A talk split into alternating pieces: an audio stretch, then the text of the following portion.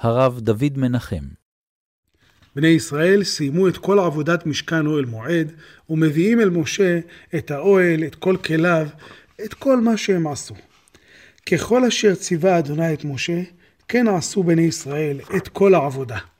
וירא משה את כל המלאכה, והנה עשו אותה, כאשר ציווה אדוני, כן עשו, ויברך אותה משה. והנה עשו אותה, כאשר ציווה השם, כן עשו. מה אומרת הכפילות הזאת? הרש"ר הירש אומר שיש שתי תכונות במלאכה, במיוחד במלאכה שיש בה אומנות. יש את הצד של הביטוי האישי של האדם, החירות של האומן, החירות שהוא נוטה לעצמו, ויש את הצד השני של פועל, פועל שהוא פחות אומן, הוא יותר ממושמע ומקבל את משמעת את מי שציווה עליו לעשות. הוא, הוא פועל, הוא קבלן, הוא לא יוצר מבחינה חירותית. כאן חברו שתי התכונות יחד, והנה עשו אותה. הם עשו אותה וכל פרט מפרטי המלאכה, מקטן ועד גדול, ביטא את מכלול האישיות, את המסירות, את ההתנדבות הנלהבת, את תנופת המעשה של האומה ושל כוחותיה, של האומנים, של העשייה שלהם, ביטוי לנפש שלהם. אבל שנית, עם זאת, כאשר ציווה השם, כן עשו. עם כל הזריזות שבתנופת העשייה, הם השתעבדו לחלוטין לצו האלוהי.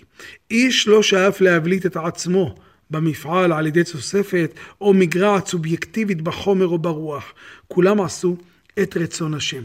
יש פה חיבור של דברים שנשמעים לנו הפוכים, אבל כלשונו של הרש"ר הירש, זוהי חירות שבמשמעת ומשמעת שבחירות.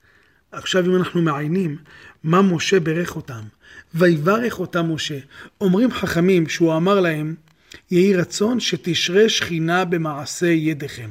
זה מובן מאוד. כל החומרים פה, מה חסר? רק השראת שכינה. אז משה מתפלל שמעשה ידיכם, המשכן, יתמלא בשכינה. תשרה שכינה במעשה ידיכם. ומה היה ההמשך של הברכה של משה? ויהי נועם אדוני אלוהינו עלינו, ומעשה ידינו כוננה עלינו, ומעשה ידינו כוננהו. זה מפרק צדי בתהילים.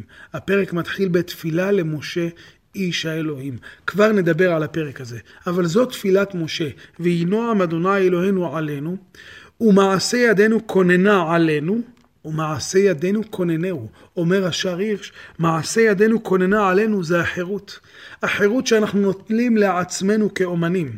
ומעשה ידינו כוננהו זה המשמעת. מה שאנחנו עשינו במעשה ידינו, אתה תכונן, אתה תיתן לנו את הכוח, כי אנחנו הולכים לבצע את מה שאתה ביקשת. והפסוקים הללו הם נפלאים. הלא הפרק בתהילים מתחיל בתפילה למשה איש האלוהים. אדוני, מעון אתה היית לנו בדור ודור. לא אנחנו מארחים אותך, אומר משה בסיום המשכן, אם הוא אמר את כל הפרק הזה. לא אנחנו מארחים את אלוהים, בעשותנו לא משכן, אלא אלוהים, אתה באמת הוא שמארח אותנו בעולמך.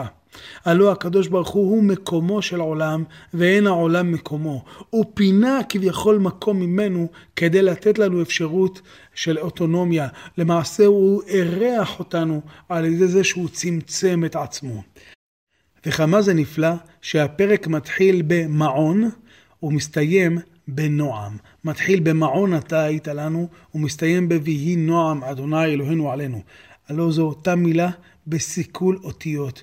אולי זה בא ללמד שהמעון האמיתי צריך להיות מלא בנועם, והנועם האמיתי צריך להיות מכיל, הוא צריך להפוך להיות מעון. מעון ונועם, נועם ומעון צריכים להיות קשורים זה לזה.